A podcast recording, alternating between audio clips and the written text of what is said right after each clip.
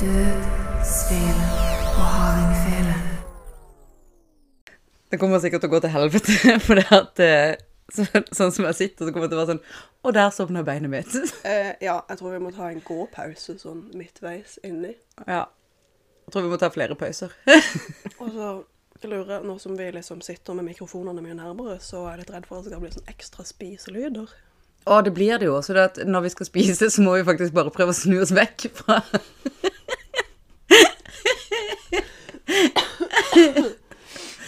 Ja. Ok, ja, som dere kanskje skjønner, så har vi nytt eh, mikrofonoppsett eh, i studio.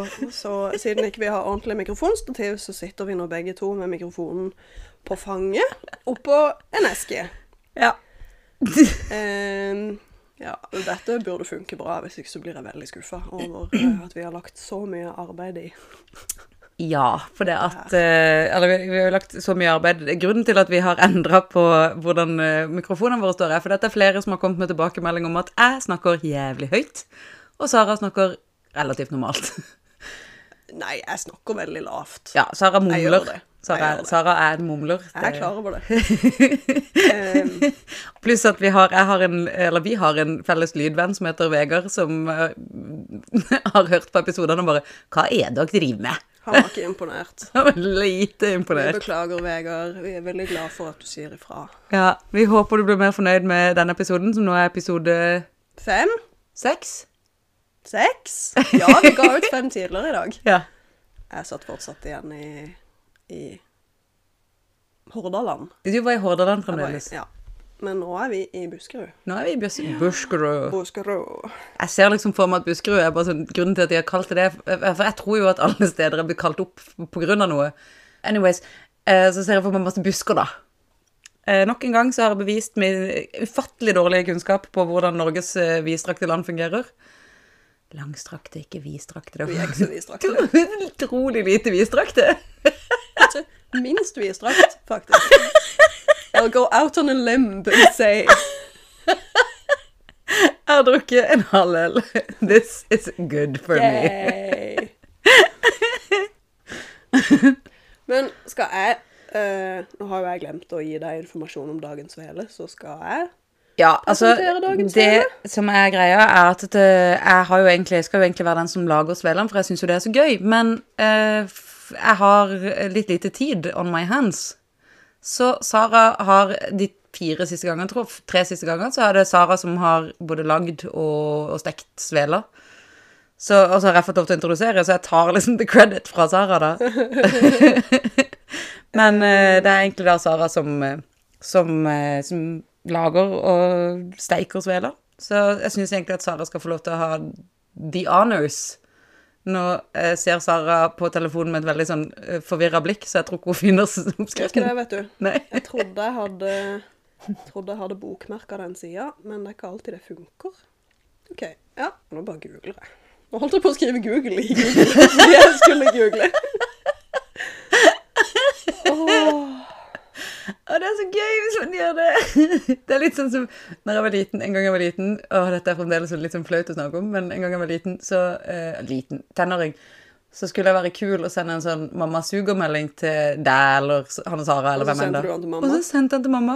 Og jeg har fremdeles vondt i hjertet. Jeg har snakka med mamma om det, for jeg bare Du skjønner at jeg ikke mente det. Og Mamma bare Du vet at jeg har vært tenåring sjøl?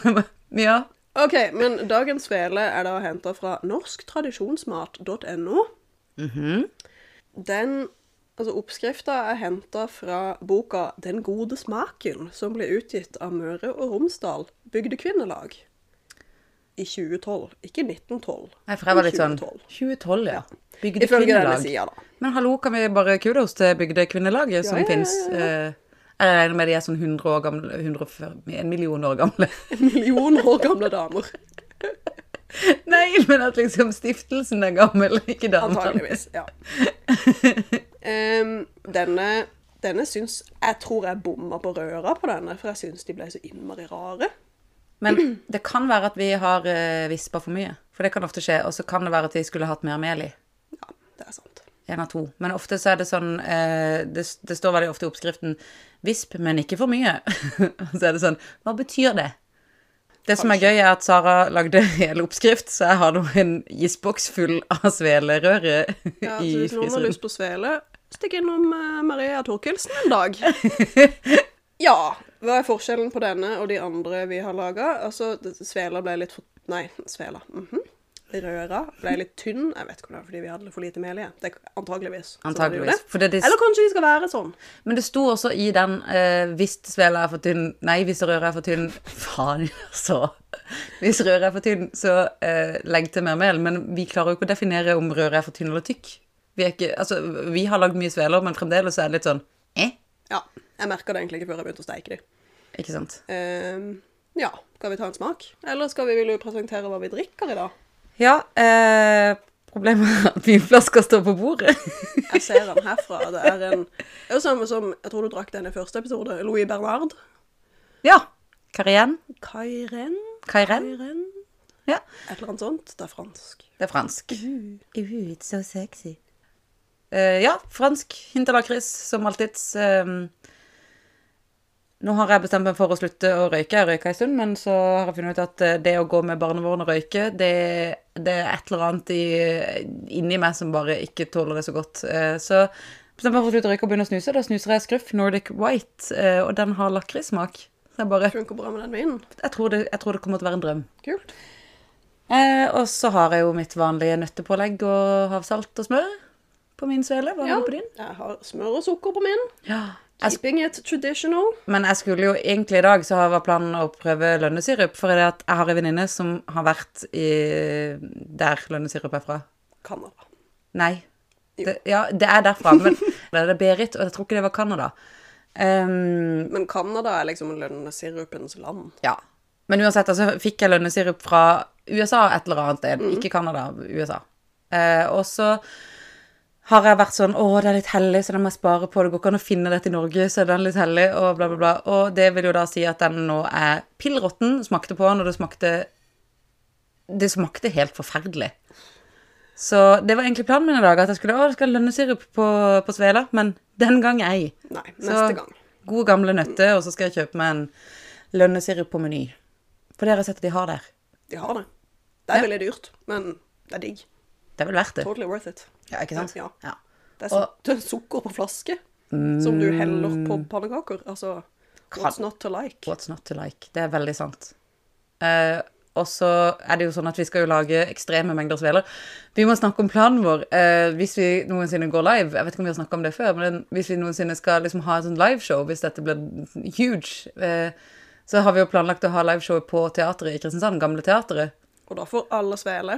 Alle skal få svele. Alle får svele. Vi har kanskje ikke snakka med din mor om det, men vi har planer om at mamma til Sara skal være den som Mamma, du skal steike svelene. Yay, Unni, du er fet. Noen må låne seg takke. Skal jeg smake litt på den svela? Nå prøver vi da nå- hvis, hvis, eh, Jeg burde kanskje snakke sånn at ikke dere hører at Sara tygger, for det er jo alltid litt sånn derre Det er ikke ASMR det, er å høre på tyggelyder, tror jeg. Jeg tror ikke jeg har lest det på internett. Noen syns det, men jeg syns det er veldig, veldig herselig. Ja, enig. Denne ble veldig rar. Jeg er enig. Eh, Jeg har nesten spist opp min fordi at jeg var tydeligvis sulten, men eh, litt sånn eh, Det var ikke så gøy som de andre vi har hatt.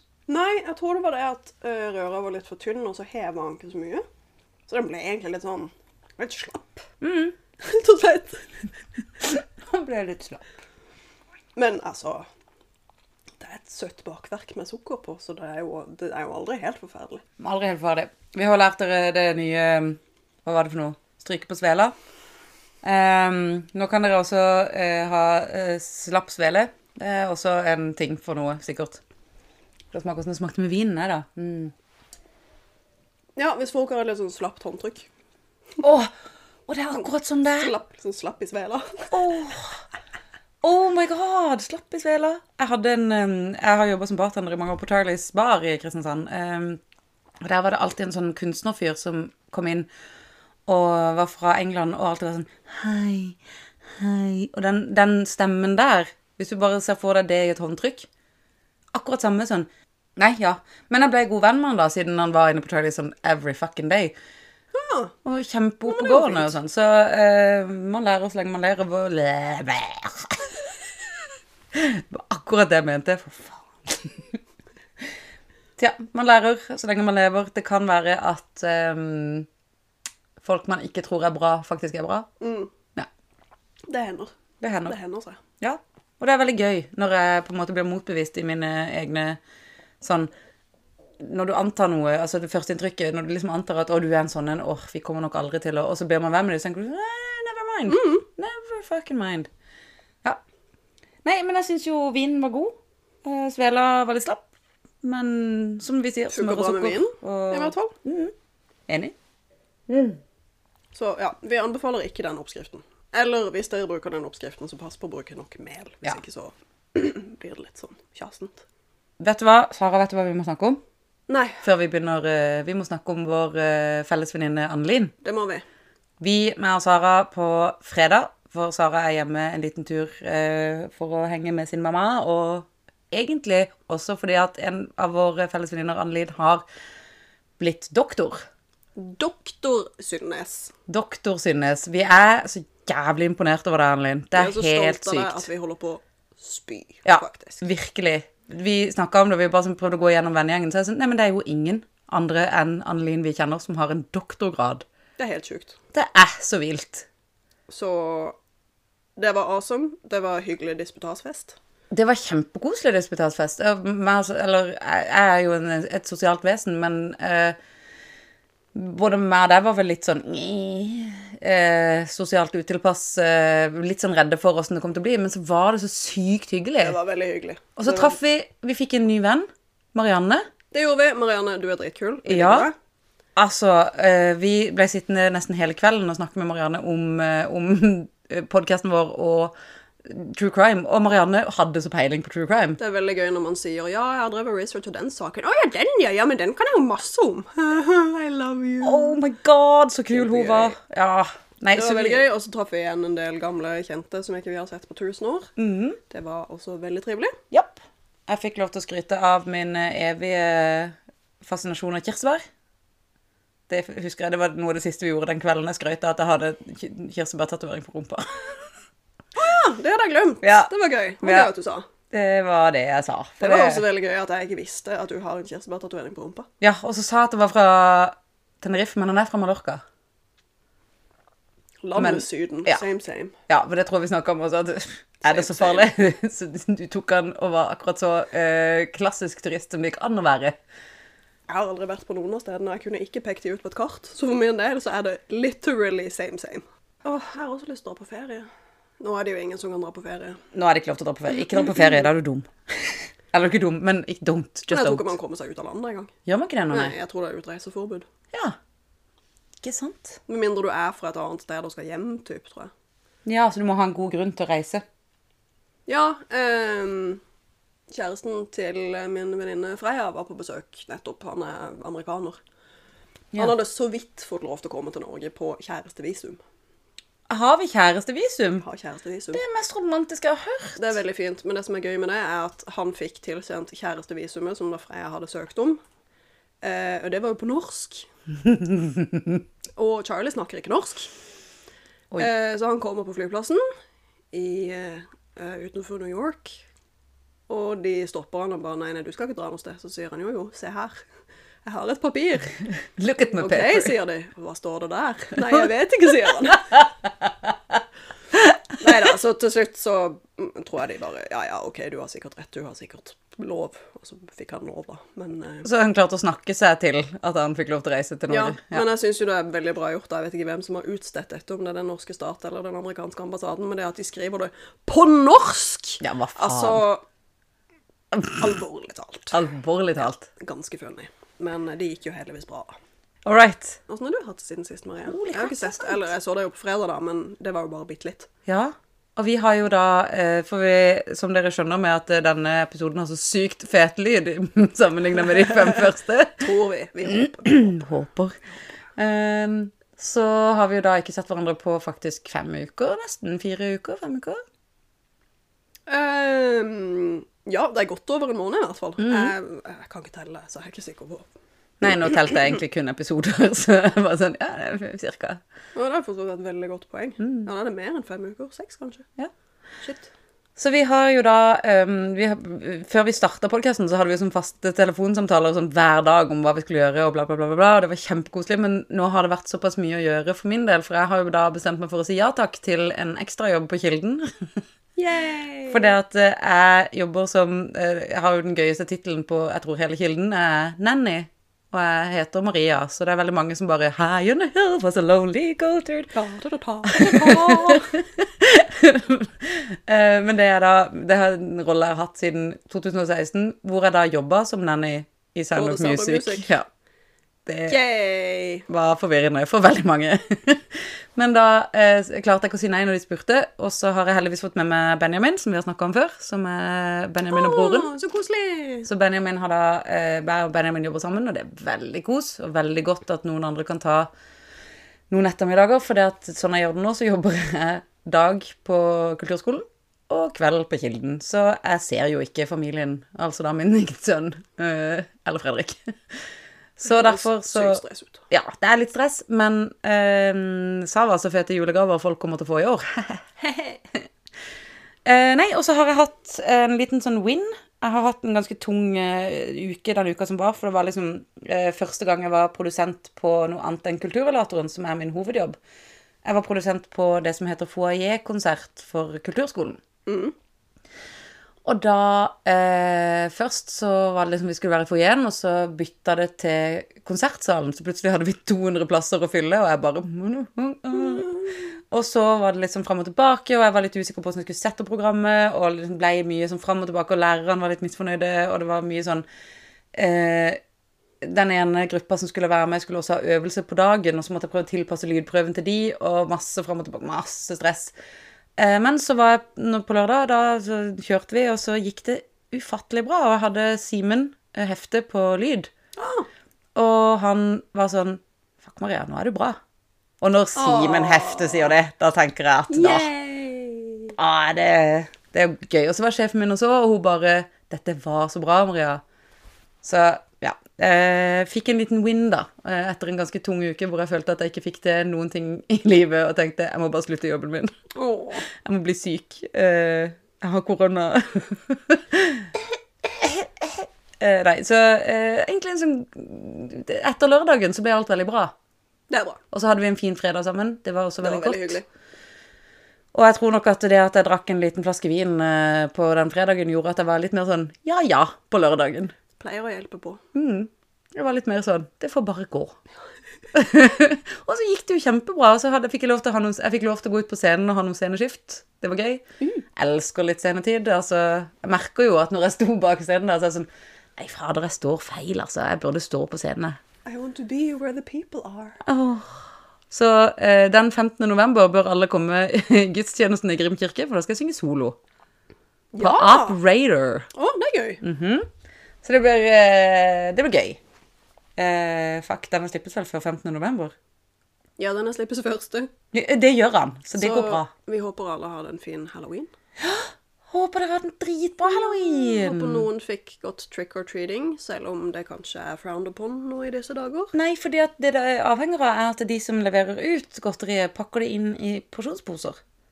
Ja, Så det er liksom de som leverer ut godteriet sitt ansvar å eh, gjøre halloween til en trygg halloween for alle barn. Da håper jeg at alle har fått gått litt trick-or-treating, spesielt de som har barn. Og hvis ikke dere har gjort det, så må dere se Practical Magic og spise gresspai. Ja, det må dere gjøre uansett. Mm, ja, faktisk. Og når denne episoden kommer ut, så er det toårsdagen til meg og min mann. Yay! Happy birthday! Happy Not birthday. Happy eh, love day! Det er koselig. Og det er fint! Åssen har du hatt det siden sist, da, Sara? Varierende.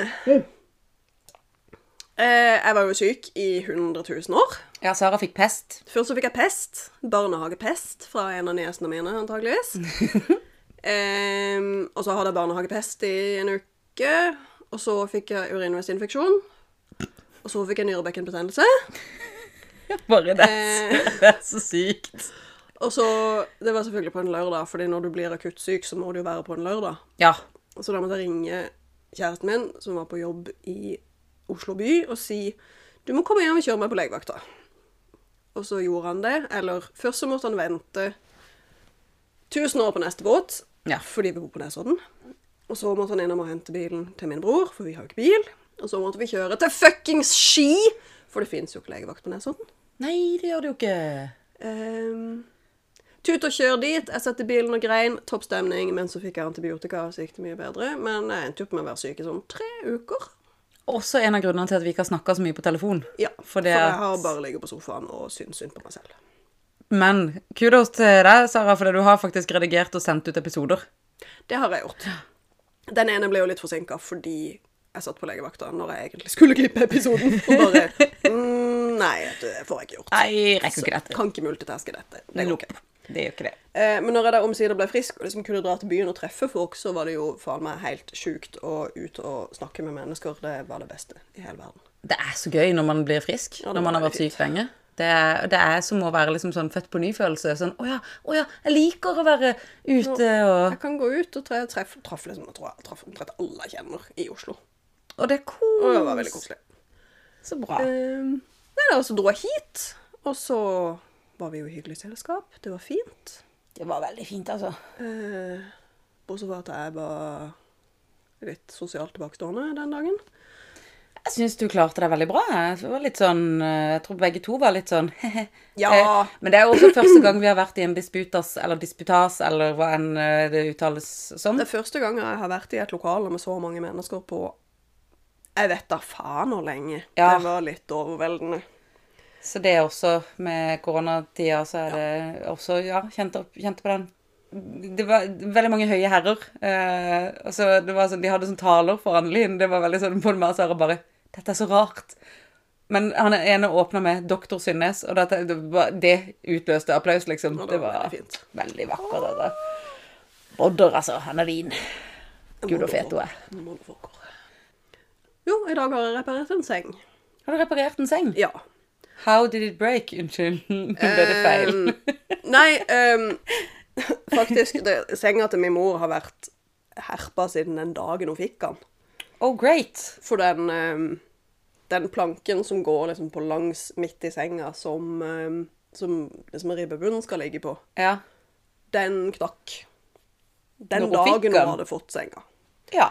Men det er jo ikke sånn svær heltreseng. Det er jo et hekkan og skulle da pakke den ned og så ta den med tilbake igjen. Så hun bare satte ei kasse under der som bunnen hadde knekt.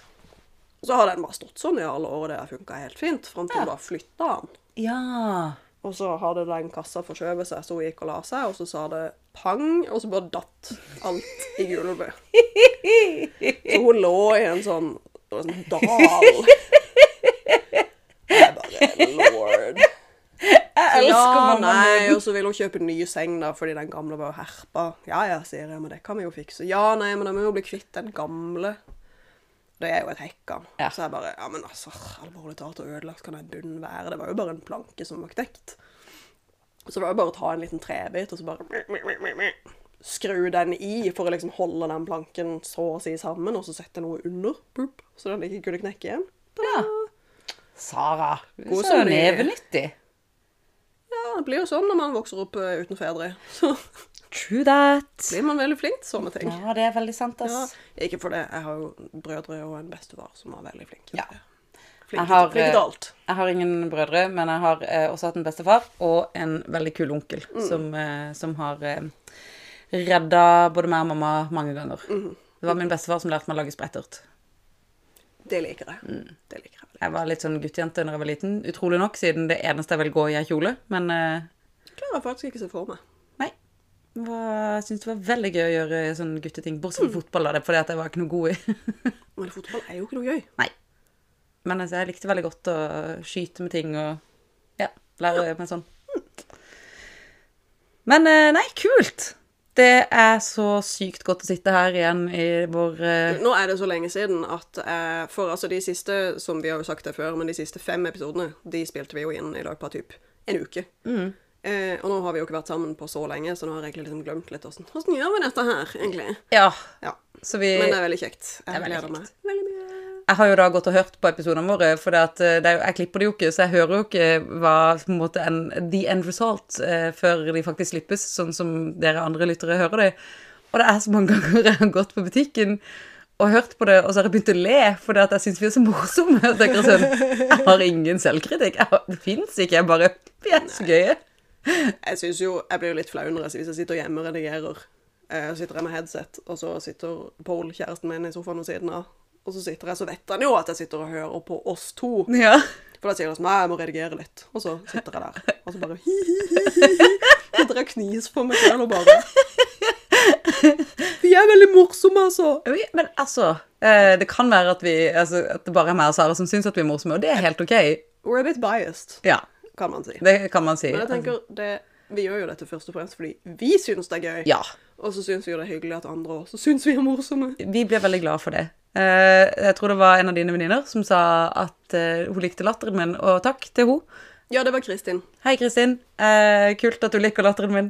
Eh, jeg har fått beskjed før om at den er veldig smittende og hjertelig og ekte. Eh, og det er den jo. For at når jeg sitter med deg, Sara, så er det faktisk veldig ekte, all latteren. Men eh, apropos Kristin, eh, det var jo hun jeg traff i Oslo Mm. eh, da jeg var i byen for første gang på sånn nesten to måneder. Mm. Eh, så kommer hun gående nedover gata, og så sier hun, Hei, det er Kristin! Hei, Kristin! Og så snur hun, og så sier hun Å, jeg går og hører på podkasten deres. Og det er da gøy! følte jeg meg litt som en kjendis. Det Det var veldig kjekt. er jo veldig kjekt. Ja. Og vi, eh, nok en gang, vi har jo ikke fått så mange tilbakemeldinger annet enn akkurat det med lyden, eh, men vi blir jo veldig glad for tilbakemeldinger. Eh, Mm. det gjør vi. blir veldig glad, faktisk. Veldig glad. NRK har l- eh, en ny pod som heter eh, Ny gjerne kanskje ikke, men den ble sluppet i 2020. Eh, juni, og den heter Grøss og gru. Der er det liksom, De snakker om de forskjellige overtroiske vesenene, eller magiske vesenene eh, Norden har trodd på i flere århundrer. Men det som da eh, hvis, de, hvis de har den, så tenker jeg at eh, hallo, NRK, hva med dødsvele og hardingfele? Altså, nå har vi jo ikke hørt på Grøss og grue eller Skrekk og grue eller hva faen det heter, men eh, Vi har ikke det. Jeg skal høre på det. Eh, Jeg fant det i dag mens jeg drev og googla på mine ting. Eh, Øystein, jeg ser at du for øyeblikket hører på eh, The Bargain Store av Dolly Parton. Det syns jeg er kult. Skal bare si åh, det. Jeg liker Dolly Parton. Ja, hun er fet, Hun altså. er dritfett. Ehm, kult! Åh, Vent litt. Jeg glemte å snakke om en ting.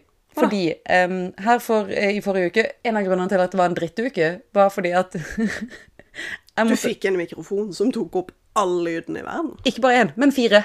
Å nei. Fire kormikere, dere. Eh, jeg fikk ansvaret for å gjennomføre en generalprøve for kor. Eh, for det, at I kulturskolen så er det jo mange kor, og de skal ha en sånn korkveld. Mm. Eh, så, eh, og så sier jeg sånn Ja, ja, det, det kan jeg sikkert. For jeg er litt sånn Pippi-stemning i hodet. At jeg, jeg må prøve. Ja, Før det har jeg jeg aldri gjort før, så det får jeg sikkert til. Ja. Det er en av mine liksom sånn sayings. Det, Jo, men det er en kjempegod holdning. Og så gjorde jeg jo det. Gikk inn der og tenkte ja, ja. Og så var det et band med. Eh, Så det var band og kormiker. Eh, Og Sigurd Lie-salen, for de av dere som ikke kjenner den, eh, det er den gamle Det er jo Musikkens hus, dette her, så det er jo der eh, Konsen var før. Den salen er ikke bygd for noe som helst, egentlig. Egentlig bare bygd for eh, akustisk, klassisk musikk, føler jeg. Det er nok antageligvis det han er bygd for, som du- Ja, virkelig. Opprinnelig. Ja. Opprinnelig. Eh, så det som da skjedde, var at eh, vi måtte flytte på komikeren, for vi måtte endre oppsettet. Og når de var flytta på, så var det jo bare vel, rett og slett død eh, for de. Kunne bare skru de av. Fordi at det var bare feeding, for de tok jo opp alt av bandet. Så det var, det var Altså, det var så ulyd. Og eh, Charlotte, som er lederen for korene, bare så på meg og bare 'Kan du få litt mer lyd i kor?' Men jeg bare 'Nei, kan ikke det'.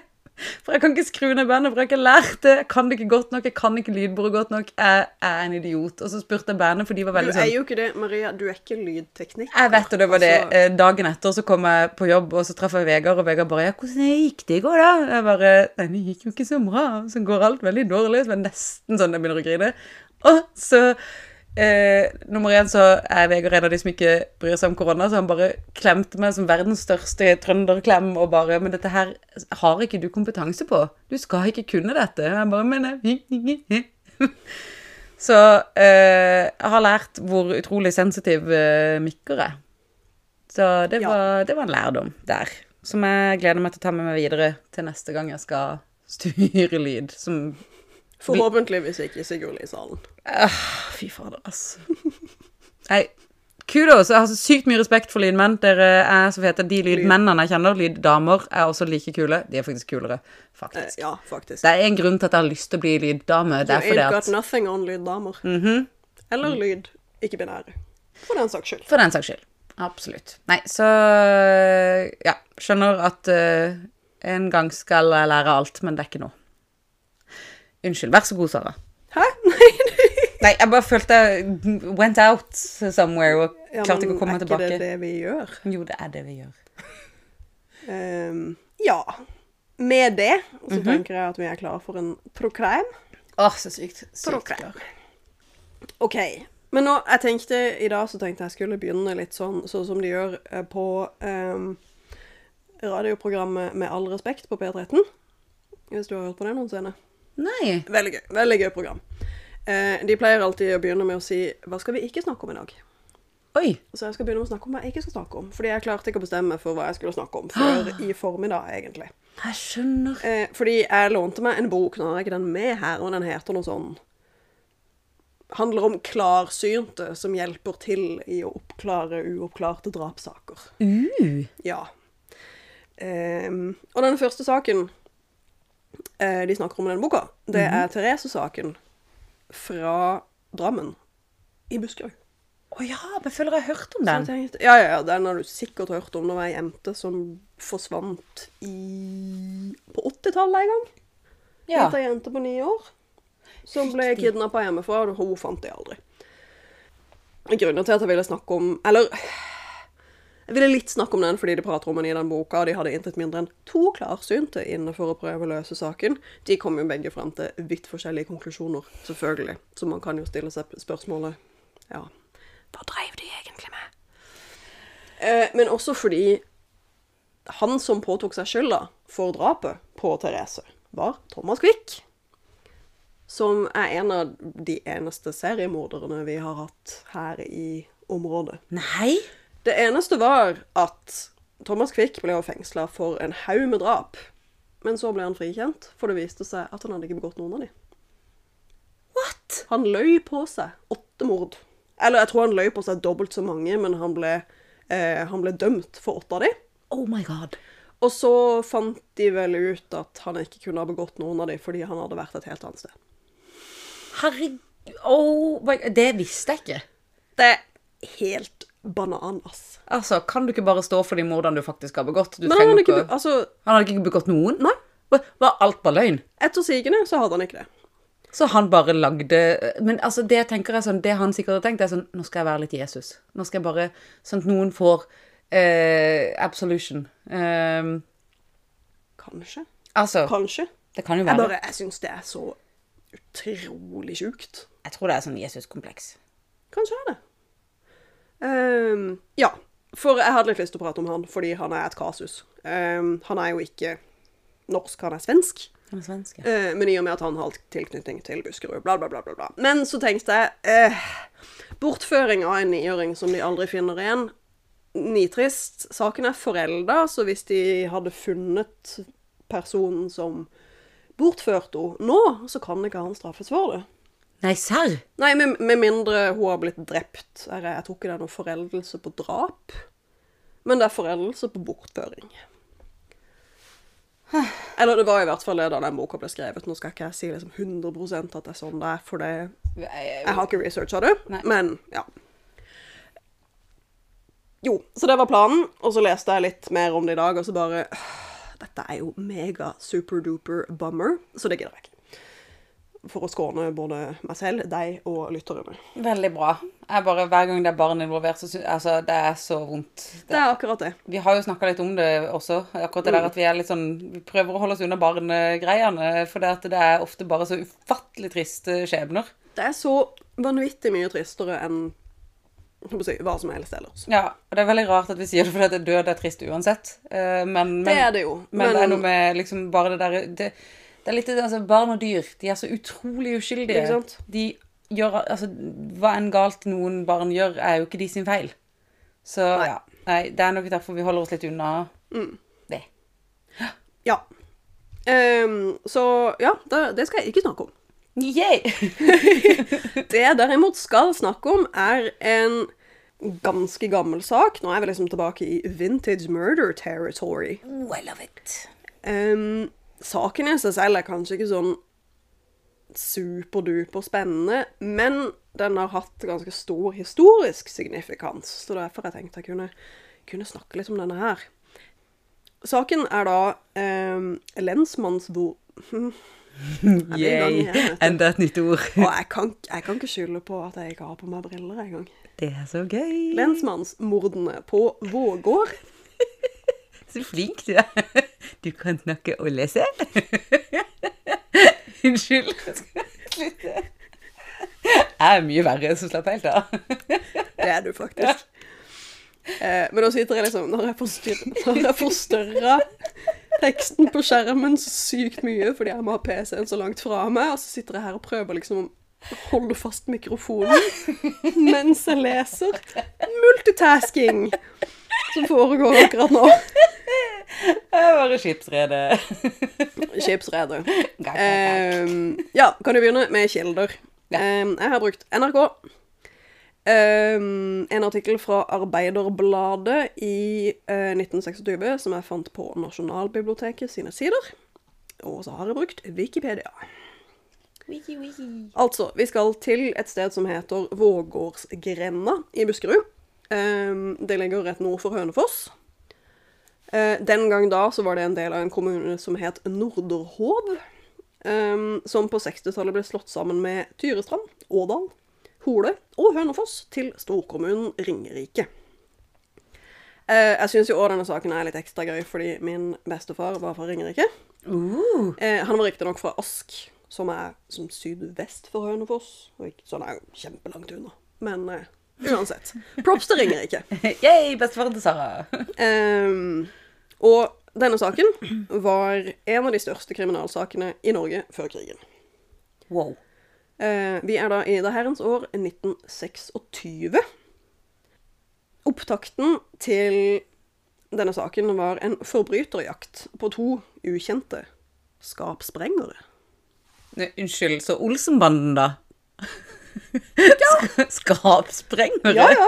Det er det, de- altså, det er det de kalles i alle artiklene jeg har lest. Skapsprengere. Antageligvis fordi de da sprengte pengeskap. Så Olsenbanden. Det er så, gøy. Olsenbanden. Dette, dette er en ting som jeg og kjæresten min snakker ganske mye om, fordi han ikke er håper jeg, å si, innfødt nordmann. Eh, det at norsk er så innmari bokstavelig. Ja, så Det er noen som sprenger pengeskap, ja, men da er det jo eh, skapsprengere. For jeg, Det kunne også vært at de var sånn personer som likte å sprenge ting, men var litt i skapet for det. altså, de, de sprengte sånn I dag skal jeg sprenge en tønne, og ingen skal vite at det er meg. Tror du det finnes en støttegruppe for skapsprengere? Burde jo finnes det. Å, det er veldig fint. Det merker jeg at det er veldig fint. Men det er gøy. Men ja, nei, norsk er veldig bokstavelig. Jeg er jo helt enig i at eh, det er vi. Uansett, det var to skapsprengere. Em, de hadde begått en rekke tyverier og skapsprengninger Uh, på Ringerike og andre steder på Østlandet. Eh, Den 21. august 1926 hadde de brutt seg inn hos en landhandler eh, som het eh, Veggårdstrømmen i Årdal, hvor de hadde forsøkt å sprenge et pengeskap. ja. Som de gjorde, siden de var skapsprengere. Eh, De faktisk ikke bare sånn mm, gjemme seg i et skap og sprenge, men faktisk på skapsprengere. Det er utrolig dumt å gjemme seg i et skap og sprenge det, for da dør du. Men Å, det er så mye pønsk man kan bruke på skapsprengere. Bare shit. Også Man kan jo si at folk som kommer ut av skapet, er skapsprengere, Ja, for de sprenger grenser. på en måte. Og Ja. det er veldig fint. Vi elsker alle som kommer ut av skapet. De må alltid komme ut av skapet. Ikke gjemme det. Hallo, Foreningen FRI, kan dere begynne å bruke Skapsprenging som et Det er begrep. fantastisk. Åh, Ja. nå ble jeg glad. Vi må tagge de i noe. Det må vi faktisk gjøre. Tagge de i noe. Eh, uansett, de hadde prøvd, prøvd å sprenge et pengeskap, men det fikk de ikke til. Og de fikk det ikke til, nei. Så i stedet stjal de med seg. Hva tror du de stjal med seg? Jeg tror de stjal med seg f- busker. jeg hadde tenkt å si fisk, men så var jeg sånn Nei, vi er Buskerud. Busker. De stjal med seg sjokolade, Men det hadde jeg også stjålet. dynamitt Kunne oh, og to kniver. Og to kniver. Men altså, Jeg er helt enig i stjelinga. Eh, egentlig ikke dynamitten og knivene, men veldig enig i sjokoladen. Så helt enig i sjokoladen, gutter. Ja, jo, jeg er jo for så vidt også det. Ehm, men hva skal jeg si, min første tanke var hva slags landhandler er det som har dynamitt? Men var ikke det ganske vanlig eh, Nå kommer ikke historien igjen. Ikke var det det?! Hei, vi er på 1920-tallet, ta litt dynamitt, liksom. Ja, men eh, dynamitt var jo relativt mm, Det var kanskje ikke så nytt, nei. Åh, nå er det sånn googletid igjen. Når ble dynamitten oppfunnet? Google det, Maria. Jeg googler det nå. Eh, fordi at når dynamitt ble oppfunnet, så var det jo ikke noe, det var jo ikke noe sånn at eh, noen som sto på toppen sa nei, ikke bruk det. Skal vi se, dynamitt. Dynamitt wiki. Sånn, for det at det kom opp det første eh, jeg kunne trykke på var dynamitt Harry. Jeg bare, Hei, «Yay!» Olsemann! Åh, Harald Eidesteen junior. Åh, han altså. 1867 ble det liksom Oi! It was invented by the Swedish chemist and engineer Alfred Nobel. Det var Nobel, ja! Visste det var noe. Stemmer det? Visste det var noe. Jeg bare, fuck, fuck, fuck, hva er det? Eh, ja, nei, 1867. Sant? Så da er det relativt, relativt nytt. Men det er Norge, vi var jo sikkert 100 år for sene på alt. Så det er relativt nytt fremdeles. Og Jo, da jo, tror jeg jo, jo, det var for all del, men det er jo fortsatt liksom dritfarlig. Ja, ja, men det, den gang da, så tror jeg jo at det var sånn Nå kan du endelig sprenge vekk det jævla fjellet som har vært i veien for Ja, det er eh, sant, gården din. Så jeg Og tror det var, vel- mer Og det var vel tilgjengelig. lov å slå konene sine så lenge kjeppen var tynnere enn tommelen din. Hvis, Ja, vi, skal rule of tro, thumb. hvis vi skal tro The Boondock Saints. Boondock Saints! Yes. Verdens beste film. Uansett. Men ja, de hadde dynamitt, og jeg bare lol-lol-lol, OK, det hadde dere. Ehm, og i tillegg så tenker jeg sånn, hva slags harde kriminelle er det som stjeler sjokolade? Av alle ting. De hadde jo sikkert ikke brennevin. For det regner jeg med at man ikke fikk kjøpt i vanlige butikker på 20-tallet. Om man fikk kjøpt brennevin i det hele tatt. Vi hadde jo forbudstid her også, men jeg husker ikke når det var. Nei, ikke heller. Kanskje det var på 20-tallet. Kanskje ikke. Tar opp telefonen igjen, jeg. Forbudstid Norge. Fra 1916 til 1927 var det forbudt å kjøpe brennevin i Norge. Du hadde helt Ikke sant. rett, Sara. Um, anyhow, jeg bare jeg prøver, jeg, liksom, jeg prøver å tenke Nå, Jeg har jo sett mye på Criminal Minds i det siste. Så, eh, fordi vi har fått en sånn trial account på Amazon Prime. Så da kan jeg binge Criminal Minds. Å, det er så og det er så gøy. teit, men det er så gøy! Så nå prøver jeg å tenke med min sånn profiling-hjerne. Sånn, Ja. hmm, hva slags kriminelle er det vi er ute etter, da? Som stjeler dynamitt og sjokolade? Var det en answer bestes? Anyway, de stjal altså sjokolade, dynamitt og to kniver. Elsker at vi har holdt på i en halvtime med den setninga. Det er en ganske ah, Nei, det er ikke en veldig avgjørende setning. Det er Det er ikke det. ikke det. Jeg Det var synes- Jeg syns det er kjempegøy. veldig morsomt. Uansett, så, stja- så, så stakk de av opp eh, Årdalselva i en stjålen robåt. Oppover en elv i en robåt? Ja, Jæklig tungt. kommer han på elva, antar jeg? Ja. Nei, Nå skal jeg slutte å avbryte. Jeg skal svele meg og holde kjeft. Ikke noe bra. Og opp til ei hytte som lå i eh, Vårgårdsåsen. Så politiet ble kontakta da det ble oppdaga at de hadde brutt seg inn på denne landhandleren og stjålet dynamitt, sjokolade og to kniver.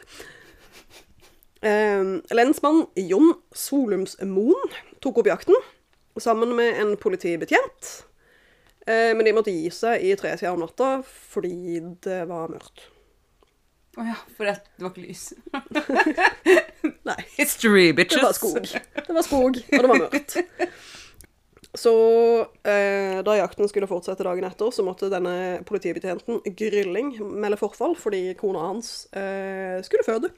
Oi, kjedelig. Så da kom det en annen lensmann som het Oluf Olde fra Norderhov. eh, som da tok hans plass. Så da har vi da to lensmenn, John Solums Moen og Oluf Olde, som roter rundt i skauen. Eh, så dagen etter så stakk de til skogs på leting etter disse bandittene. Men de kom ikke tilbake. Men Lensmannen? Nei. Begge to? Nei. Men vent, var ikke han ene borte fordi kona skulle føde? Nei, det var politibetjenten. Det var OK. Ja. Skjønner. Så det kom en annen og tok hans plass, fordi Riktig. Ja. han Så det var to lensmenn To som bare lensmenn. forsvant i skogen? De forsvant i skogen, rett og slett. De stakk til skogs, kom ikke tilbake. Eh, Så dagen etter blir de selvfølgelig meldt savna, og det blir sendt ut letemannskap. Eh, De drar ut og leter etter de i eh, firetida på ettermiddagen. Så litt over halv seks får de, eller går det ut melding. Ikke sikker på hvordan det gikk ut melding i 1926, men eh, de hadde Morse? vel noe Kanskje. Brevdue? Brevdue. Røyksignaler? Røyksignaler er typisk, typisk Norge. Mm. Ja. Det, det, det er jo ingen vind her, så det er jo kjempelett. Tumbleweeds? Vi er jo i Buskerud. Veldig mye tumbleweeds. Mm. Å, Mm. det er gøy. Det er veldig gøy. Uansett. Eh, litt over halv seks gikk det ut melding om at de to lensmennene var funnet. Eh, Solumsmoen, altså førstemann, han var blitt skutt i hjertet. Knivstukket to ganger i halsen. Og strupen var skåret over. Han var død. Tro det eller ei. Jeg bare beklager at jeg kremter så mye. Jeg har sånn gruff i halsen. Tror det er svela. Jeg sveler. Og vinden. Ehm, Olde, altså han eh, lensmanns, eh, eller lensmann nummer to, eh, var blitt skutt to ganger gjennom høyre lunge, og blitt skutt i hodet, men han levde. Nei! Eh, så han rakk å gi ehm, å fortelle hva som hadde skjedd, og gi en beskrivelse av gjerningsmennene, men eh, livet hans sto ikke til å redde, fordi han antakeligvis blødde han i hjel før de fikk han til sykehus. Ehm, Arbeiderbladet den 25. august samme år melder også at ofrene var blitt plyndret. De, de bruker altså ordet likplyndring som altså, det ekleste ordet jeg vet om, tror jeg. Eh, s- eh, Snerk og likplyndring. eh, Ja, jo, jeg skjønner hva du mener. Snerk og likplyndring. Høgg! Kan vi lage en episode som heter det? Nå skal vi til Nord-Norge. Der er det snerk og likplyndring. Eller, kanskje- Kanskje vi, kanskje vi skal lage en ny podkast som heter 'Snerk og likplyndring'. Eller så kan vi bare vi legger den ut der, så er det noen av dere som lytter på, som kan lage deres egen podkast. Her er ideen til hva det skal Vær så hete. god, dere kan bruke denne tittelen. OK, i hvert fall. Så vi har to døde lensmenn som har blitt veldig myrda. Rett og slett. Veldig drept. Sykt, sykt myrda. Ja. Ehm, og noen banditter som fortsatt er for- på frifot. Som har stjålet sjokolade, kniv og dynamitt. Og også drept to lensmenn på ganske sånn For de hadde pistoler på den tida. Ja. Throwback. Ja. De hadde pistoler på 20-tallet. Vi har lært Fordi det. Mm. det var rett etter første verdenskrig. Og da drev man og skjøt hverandre med prosjektiler. Ja, Det har vi og Sara lært. Mm. Ulike slag. Eh, vi, vi lærer mye av denne podkasten. Vi gjør det. Vi blir også irettesatt mye, men det syns vi bare er hyggelig. Mm. Herregud, og hvor morsomt det er når folk bare sånn Hva er det dere driver med? Kan ikke vite alt! Nei, altså, veldig fint Vi med fikk ikke gode karakterer på videregående. Jeg fikk den når jeg tok det ferdig, men det betyr jo ikke at jeg husker noe av det. Er det jo ingen, ingen som husker det fra videregående? Jesus Christ. Nei. de, som har, de av dere som går på videregående, kudos, altså. Nå holder fokker og tungt det. Helt jævlig. Gled dere til det er over. Ja, Ah. da Og blir at det gøy. Da skal dere aldri tilbake. Det er en fantastisk følelse. Ja, faktisk. Ja, virkelig. Fortsatt. I hvert fall. Eh, Det går fire dager før politiet får kjennskap til hvem den ene av de to forbryterne var. Husker du hvordan vi tidligere har snakka om at kvinner ikke hadde navn før i tiden? Ja. Det viser seg at menn gjerne hadde veldig mange navn. Å ja. Blant annet denne fyren her, altså en av disse forbryterne. Han var svensk. Han het Anton Emanuel Oskar Svensson. Nei, men altså. Var 25 år. Ble også kalt Harald Fredrik Ekløv. Hæ, nei, unnskyld. Så han, han het det, men blir også kalt Ja, og han ble også kalt August Wilhelm Johansson. Jeg klikker, jeg klikker. Og ble kalt Østalinas Broik. Hæ? Og jeg mener, jeg tenker sånn kjært barn har mange navn, men jeg syns ikke han her høres veldig kjær Han var ut. ikke et kjært barn, tror jeg. Hvorfor, i he- hvorfor har han så mange navn? Antageligvis fordi han var kriminell. Så det er sånn alter ego? Ah, Ja, ja, det, var, det, det står alias. Adias. Så denne Anton Emanuel Oskar Svensson, som også het alt annet mellom himmel og jord, han har tydeligvis da bare brukt opp alle navnene som kvinnene ikke fikk ha. Ja, Jesus Veldig Christ. bra. Bra jobba, Anton. Anton, din idiot. Um, han ble for første gang i norsk rettshistorie identifisert ved hjelp av fingeravtrykk. Nei, Det hadde man aldri gjort før denne saken. det er gøy, da. Det er Mm, veldig gøy. 1926? Shit. Fordi han og han andre hadde brutt seg inn på ei hytte eh, som politiet hadde funnet. Og der hadde de funnet en kopp med en melkeskvett i. Eh, og på den koppen fant de hans fingeravtrykk. Jøss. Så det er jo kjempespennende. Det er jo At kjempegøy. ikke bare det var første gangen de brukte det, men at, de faktisk, at det faktisk funka. At de fant. Bloody amazing. Gjerningsperson. Altså, så fett, liksom. Da, det er jo da, øh, seks år fra- fra nå, så er det eh, 100-årsjubileum for fingeravtrykk i Norge. Det er gøy. Det er dritkult! Det må vi faktisk feire. Det må vi feire. Da må vi ha fingeravtrykkfest. Å, det er gøy. Å, Jeg skal kle meg ut som et fingeravtrykk. Og så kan alle gå rundt med sånn, du vet, sånn sånn dusting-greie. Ja, ja, ja. ja. Halloween, seks år fra nå. Feteste Halloween ever. Heck yes. Oh, yes. Fingeravtrykkbasert, alt sammen. Alt sammen. Ehm, I hvert fall. Eh, så 14 dager etter identifiserer de eh, andre mann. I hvert fall den andre gjerningspersonen ehm, identifiserer de som den 19 år gamle nordmannen Henning Sigurd Madsen. Han hadde bare tre navn. Han hadde bare tre navn når han var 19. Han var en barn. Han var et barn. Men de var ikke barn når de var 19 før. Da var de, da var de menn. Nei, det er sant, det. Ehm, det sto også i avisen, if- ifølge dette er fra Wikipedia, det sto i avisen at foreldrene hans under avhøret har- hadde vært usann, usedvanlig vrange og vriene. Jaså? De vevet seg straks inn i en rekke selvmotsigelser. Deres sønn Henning Sigurd har fått en meget mangelfull skolegang, og har siden 14-15-årsalderen stadig gått og slengt, skriver Dagbladet. Stadig godt og slengt. Oi. eh, Så du skal passe deg for de som går og slenger, for plutselig så stjeler de sjokolade og dynamitt fra en landhandler oppe i Buskerud. og, og dreper politimenn, da. Ja, det også. Ja, vi kan la være det. eh, Men, Ja, la være med det. Ja, da kan gjerne t- stjele en sjokolade i ny Ikke og ne. stjel dynamitt. Nei, ikke, ikke kniver heller. Nei. Ikke, ikke vær slem med andre, men, men ta litt sjokolade i ny og ne. Ja, det er Det er TM, burde være eh, greit. eh, faktisk. Det er vårt slagord, Sara. Stjel litt sjokolade, Men vær grei med folk. men vær grei. Ja. Ja. Så de setter i gang en leteaksjon, nå som de jo vet hvem begge gjerningspersonene er. Vi trenger forresten en T-skjorte med 'Stjel en sjokolade, men vær grei'. Ja, det syns jeg. Ja, unnskyld. Fortsett. Eh, to måneder senere finner de eh, gjerningspersonene i et sted som heter Aremark eh, i Østfold, som ligger ikke så langt fra Halden. To måneder. Eh, da var det en gårdsbruker som hadde sett lyset fra et bål ute i skauen og hadde varsla politiet. Og det var sånn de fant dem. Serr? Så det her er skikkelig old school. De sitter og gjemmer seg i skauen rundt et bål, liksom. Skikkelig sånn Ville Vesten-shit. Og jeg bare sånn, Det trodde jeg ikke fantes i Norge. Jeg Bare, men selvfølgelig sitter det jo Jeg hadde jo også gjemt meg i skogen hvis, hvis jeg noensinne skulle gjort noe galt. Eh, og det hadde vært sånn Jeg raner en bank, jeg skal ha alle de pengene, men jeg skal gjemme meg eh, lenge nok til at saken blir forelda. Så når jeg da er 100 år, så er den ferdig. Eh, men jeg skal iallfall Nei, så skal jeg sende noen andre med de pengene ut. Ikke sant? Jeg må jo ha en accomplish som ingen vet at er en accomplish. Ja, Accomplish? Accomplice? accomplice. Det Unnskyld. går ikke så bra å rane banker nå om dagen, da. det har vi jo snakka om tidligere.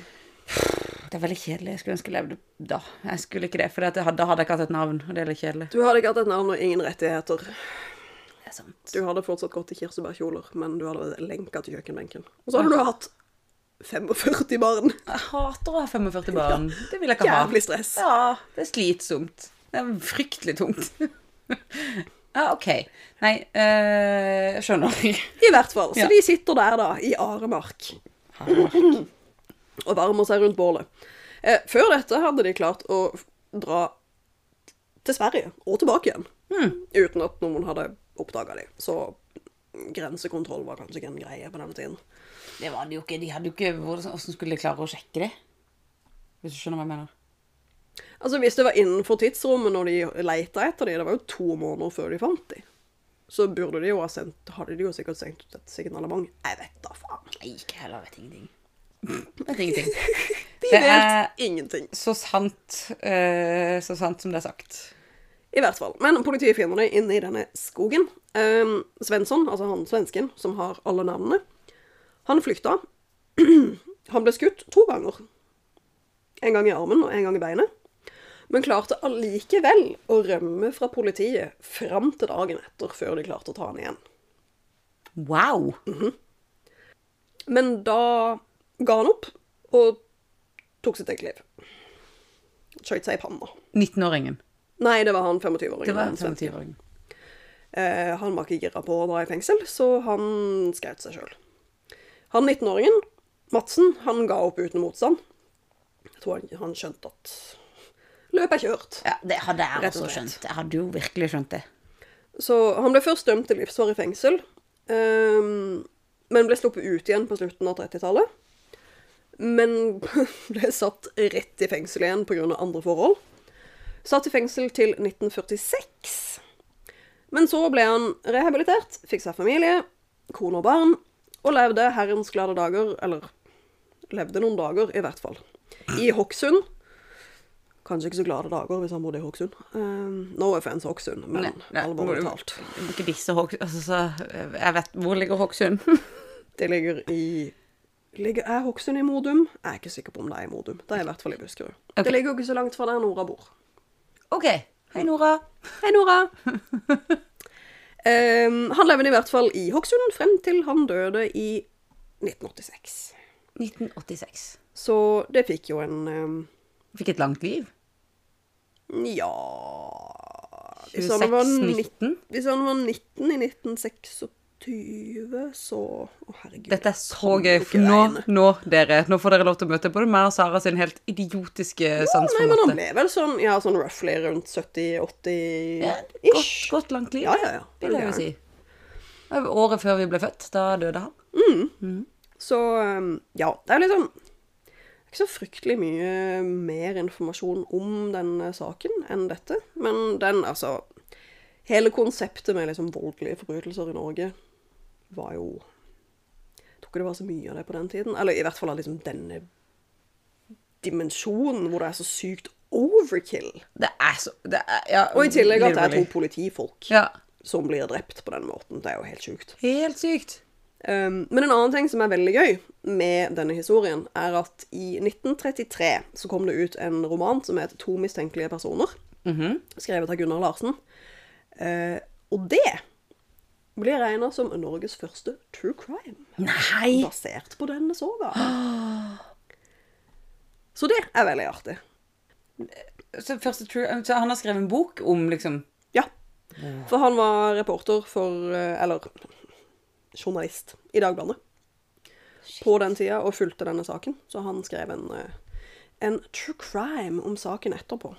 Eh, nå skal jeg bare sitere litt fra en artikkel på NRK som snakker om Snakker om den boka, snakker om forfatteren og liksom hva som skiller krimjournalistikk fra true crime. Eh, Det er en fyr som heter Audun Engelstad, som er filmviter og doktor i film noir. Fordi du kan være doktor i film noir. Hallo, jeg har Hallo. funnet min doktorgrad. Ja. Shit, jeg har alltid lurt på hva jeg skal bli doktor i, men der har jeg jo løsninga. Doktor film noir? Yes. Det høres ut som en sånn Jeg vet ikke Den mørkeste Disney-villainen ville vært en Ja, sånn du kan doktor. forkorte det til doktor noir, og så, så er du plutselig en, en, TM, TM, karakter, TM. en karakter i The Addams Family. Faen, da er det ikke TM lenger. Never mind. Eh, I hvert fall Engelstad, doktor i film noir, forklarer eh, at det er først når det er tatt noen kunstneriske grep som skiller seg fra nyhetsdekningen, at eh, saken Nei. Det er først når det er tatt noen kunstneriske grep som skiller seg fra nyhetsdekningen av saken, at det blir virkelighetskrim. Ja, det gir jo sånn sett mening. Eh, I To mistenkelige personer ser vi eksempel på et slikt grep når forfatteren gir publikum en nærhet til det som skjer gjennom å skildre hendelsene sett fra drapsmennenes synsvinkel. Jeg siterer. Det flimret i lys dis. Gjennom salt svette så han mørke skikkelser i voldsomme kast. Støvler som spente, og politikøller. Det gikk så lynsnart. Han tenkte ikke på å ta livet av noen. Jeg syns det er veldig fint. Altså, Det er så sykt dramatisk! Ehm, Jeg bare, en del av meg blir sånn Gud, så teit det er. For det er sånn Du husker når vi var 16 og skrev sånn e- emo-dikt? det, er, altså, det er akkurat så dramatisk. Ja. Men eh, hva skjer Eh, hello, Marge.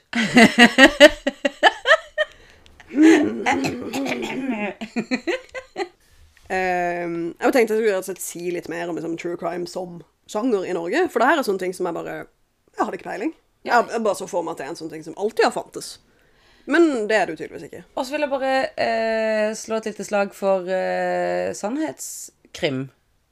Sannhetskrim. Var det ikke det du sa? Du sa, du sa eh, det var den norske versjonen på en måte av true crime, for vi sier det på engelsk. Men hva var det du sa? Det var ikke sannhetskrim, det var noe annet. Virkelighetskrim. Virkelighetskrim! Ja. Så utrolig fint. Det må vi begynne å bruke. Faktisk. Virkelighetskrim. Det er jo liksom Det er kjempevakkert, syns jeg. Det høres veldig fint ut. Ja. Jeg har egentlig aldri tenkt over at det finnes en god norsk ekvivalent til true crime. Ikke heller. virkelighetskrim. Det er kjempefint. Kudos, NRK. Ja. We like you. We Mm. like your style. Really do. Noe av årsaken til fremveksten av denne sjangeren ligger i den økonomiske krisen i mellomkrigstida. Really? Ja. Så de begynte å skrive om liksom eh, virkelighetskrim, da. Eh, for å få penger Altså sånn se- gi ut bøker, gi ut eh, artikler. Ja og nei. OK. Omtrent. Ok. Eh, mange norske aviser gikk dukken. Og de som ble igjen, kjempa hardt for å holde på leserne. Resultatet ble sensasjonsjournalistikk med skandaleoppslag basert på udokumenterte rykter. Og det s- kan man jo Man kan jo dra en parallell til eh, dagens mediebilde. Hvor alle raser mot hverandre, har du merka det? Ja. Ja, ja. Hvis det er bra? noen som bare ser litt skjevt på hverandre, så står det i avisa neste dag 'De raser'. Det er veldig sant. Slapp helt av. Slapp helt av nå. Men det er jo Å, men Å, å dette er spennende. Eh, det var denne liksom mediesensasjonismen Ja. eh, på 20-tallet som var liksom grobunnen for true crime, eller virkelighetskrim-sjangeren. Så vakkert. Virkelighetskrim. Det er som Cellar Door. Cellar door. Og ja, man tok til seg veldig mye impulser fra hvordan amerikansk presse funka, med liksom sånne se- sensasjonelle forsider som blir sånne slags salgsplakater og veldig sånn. Den, datidens clickbait, Ja. basically. Og ehm, pressa på nå, nå siterer jeg fra Dette er vel også fra NRK. ehm, pressa på 1920- og 1930-tallet var ganske rå. Det ble så ille at Presseforbundet tok seg sjøl i nakkeskinnet og innførte Vær varsom-plakaten i 1936. Det der var var som kompl- Å, Er det derfor det kommer? Åh, jeg snakka med Eli van Rein om dette eh, om når hun tok sitt studie. hvor Vi snakka om liksom, journalistikk i Norge, og hvordan det har utvikla seg, og hvor viktig den Vær varsom-plakaten er. Og det, jeg elsker lille, lille Norge, som, som er sånn det skal, Du skal beskytte kilden, du skal Altså, det er så bra! Og også, du kan ikke bare skrive hva som helst om hvem som helst. Du kan ikke Alvorlig det. talt. Nei, men selvfølgelig kan du ikke det. Ja. Shit, altså. Så Kudos, altså, frem til Medie-Norge. dette så skrev man jo tydeligvis da veldig mye oppslag basert på udokumenterte rykter og Noen sa noe om noen. Ja, ja, men det Mm. kan jo også, herregud, det kan jo ødelegge livet til noen. Det at det plutselig har stått i pressa at du har gjort sånn og sånn, og så har du gjort det. Og du bare sånn Nei! Stop it! Vi har vokst opp, altså, vi har vokst opp og eh, de, de fleste har vokst opp med at liksom, for eksempel NRK da, Mm. er jo truth. Vi, vi ser på det Stort som sett. sannhet. Stort sett. Det Det, skal- hender jo at de bommer litt, det òg, men stort sett så Ja, og det som skjer hvis de bommer, er at noen tar dem på det. Fort. Ja, de slipper jo ikke unna. Nei. Eh, så hvis NRK sier noe eh, Men jeg mener liksom når Dagbladet og V- VG slår opp ting, så er de også ofte ganske flinke på sin sannhet. Så når de da eventuelt gjør feil, så er det litt sånn Nei, Dagbladet tar feil. eh, Hvis det står på Facebook på den, fra- fra den personen som da har blitt sk- skyldt, beskyldt for noe, så vet jeg jo at jeg hadde tenkt Mm. Ja, men også veldig, veldig ofte så skriver de jo kanskje gjerne ikke ting som er direkte feil, men de formulerer det på en måte som gjør at det Særlig i overskrifter, som gjør at det høres mye mer dramatisk ut. Ja, det er veldig sant. Ehm, og med tanke på at folk generelt sett er dårlige til å lese nyhetsartikler, og gjerne bare leser overskriften, og så gjør det seg åpen mening. Det skjer så ofte. Det syns jeg er så rart. Jeg pleier å være sånn, jeg leser overskriften og tenker nei, og så Det går jeg inn kan og ikke leser stemme. saken. Ja. Fordi at jeg tenker Og så nei. bare, Å nei, det var jo Det er jo ikke særdeles villedende. ja. Ja, men siste, siste lille ting jeg har om denne saken. Mhm. eh, for å liksom name-droppe litt flere kjendiser. Yay! Eh, I 1949 startet det eh, innspilling av filmatiseringa av historien, altså av den boka. Mhm. Eh, og bak, jeg holdt på å si, bak kameraet, bak spakene, sto ingen ringere enn our boy Tankred Ibsen. Nei. Barnebarnet til Henrik Ibsen og Bjørn Stjerne Bjørnson. Altså, de fikk ikke et barn sammen, men Det er bare- de er begge hans, de er begge hans bestefedre. Jeg skjønner. for Det skjønte jeg faktisk. Fordi at eh, jeg har fått med meg nok norsk historie til at Ja, ikke sant? Til og med jeg skjønte det. Men Madsen, altså han som var 19 år da han begikk udåden Han hadde jo for det første han var ute av fengsel, han hadde fått ny identitet. Men fortsatt så stoppa han at filmen ble vist offentlig. På grunn av noe personverngreier. Ja. Eh, og det fikk han medhold i. Så den ble faktisk ikke vist offentlig før i 1999. Altså ti år etter han døde. Men det er en film. Ja, det er en film som er basert på den boka, ehm, som het eh, To mistenkelige personer, av Tankred Ibsen. Det er jo så gøy at det er en film. Gøy! Da er det jo en film vi er nødt til å se. Ja, og så er bare Jo mer jeg leste om denne saken, og jo mer jeg liksom skjønte at denne har liksom betydd for Altså for det første, første gangen man brukte fingeravtrykk. Altså, Motherfucker, så gøy det er! dritkult. Ja. Og så liksom opphavet til virkelighetskrim-sjangeren i Norge. Og også opphavet til liksom, en film av Tankred Ibsen. Helt kan jeg, bananas. kan jeg bare være litt sånn lyst til å si sånn Tankred? Han heter Tankred. Hva faen er det for et navn? Det er, sånn, det er Ibsen-familien, hæ? De Ja, bare sånn og så- Nora og alle disse, men så kjører vi på med Eh, Tankred. Og så dere. gifta han seg vel med ei som het eh, Han lever sikkert i dag, vet du, og så driver vi her og disser han. Det er ikke meningen at han kred, men det er bare hva Nei, faen han skjedde. døde i 1978. Ah, ok. Han gifte seg Gifte? Han gifter seg! Han gifte seg med ei som het Er du klar? Jeg sitter litt som på nåler, klar. Lillebil.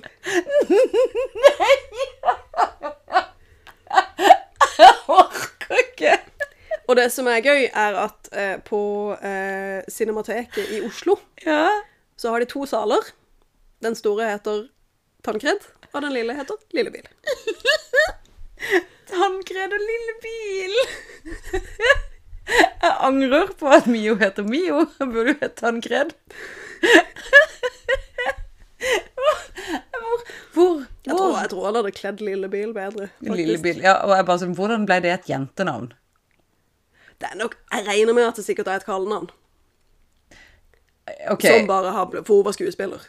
Så det har jo sikkert blitt liksom artistnavnet hennes eller noe sånt. Tror du at grunnen til at eh, hun ble kalt for Lillebil, var at hun spilte i en film hvor hun var satt i en bitte, bitte liten bil? Eller kanskje hun spilte i barneteater, og så måtte hun spille en bitte liten bil. Det er kjempegøy. Du vet sånn som noen av oss måtte spille trær.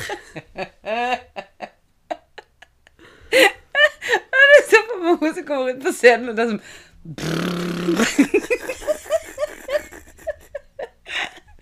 Det er så gøy. Og jeg griner. Å, herregud. OK, så Så Eh. det var i hvert fall da lensmannsmordene på Vårgård. Vårgård? Vårgård? går? Det som er gøy, er at Buskesju. det jeg kommer til å huske best fra den historien, er Lillebil. Tankred og Lillebil. Meg og Fredrik må bytte navn. Kan- Der kan det være Tankred og Lillebil til halloween. Vi må være Åh, Fredrik. Hello. Ingen som tar den eh, Er det, Sara, jeg jeg elsker at du sier det er sikkert ingen. Nei, det er 100 sikkert ingen. Det er ingen noensinne som har hørt om disse, bortsett fra meg. og deg. Med mindre du går på te... Å, det er det jo. Men jeg tenker sånn, med mindre du går på teaterkafeen i kostyme, så tror jeg ikke det er noen som bare Å, det er Tankred og Lille Bill Ibsen! ja, ja, ja! Det, er- det er det kjedelige med å bo i Kristiansand. Du er liksom nødt til å gå i sånn tingeling-kostyme for at noen skal skjønne hvem du er. Men hvis meg og Fredrik hadde kommet som tannkred og lille bil Altså Det er jo da dere skal Og da, da blir man sånn urhipster hvis man går på halloween-party utkledd som Tankred og Lille Bill Ibsen. Og folk bare Ja, hva er du utkledd som? Vet du ikke det, eller? Ja, du har sikkert aldri hørt om det. Nei, ehm, det er ikke så rart. For at Det er you're one of faktisk- those literate ones, aren't you?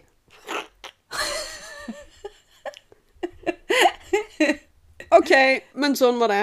Å, herregud. Eh, Så kjære alle sammen, denne her kommer jo ut eh, dagen etter halloween, dessverre. Men hm, til neste halloween, dere. Please send oss noen bilder når dere kler dere som Tannkred og lillebil. The Ibsens. Yes. Yes, please. Det blir fantastisk. Da har vi et helt år på å glede oss. Kanskje vi får lov til å være sammen mer enn 20 stykker også? Å, det er gøy. Da kan alle kle seg ut som tannkrem og en liten Nei. Halloweenfesten til Dødsfjell og Hardingfele 2021. Motherfucker. Du har bare lov til å velge to kostymer. En variasjon av tannkred og Lille Billipsen. Jo bedre ordspill du, du, du kommer på. Ah, dauer. Jeg må tisse på meg. Vi er nødt til pause. OK, da pauser vi. Ah, nei, er du ferdig, forresten? Ja, jeg tror det. Ja, OK, for da- da kan vi pause. Hvis ikke så blir det dumt. Bare pause. Ja, OK, da pause. Vent, da. Jeg har ikke, jeg har ikke musa. Jeg har musa når det går bra. Natta!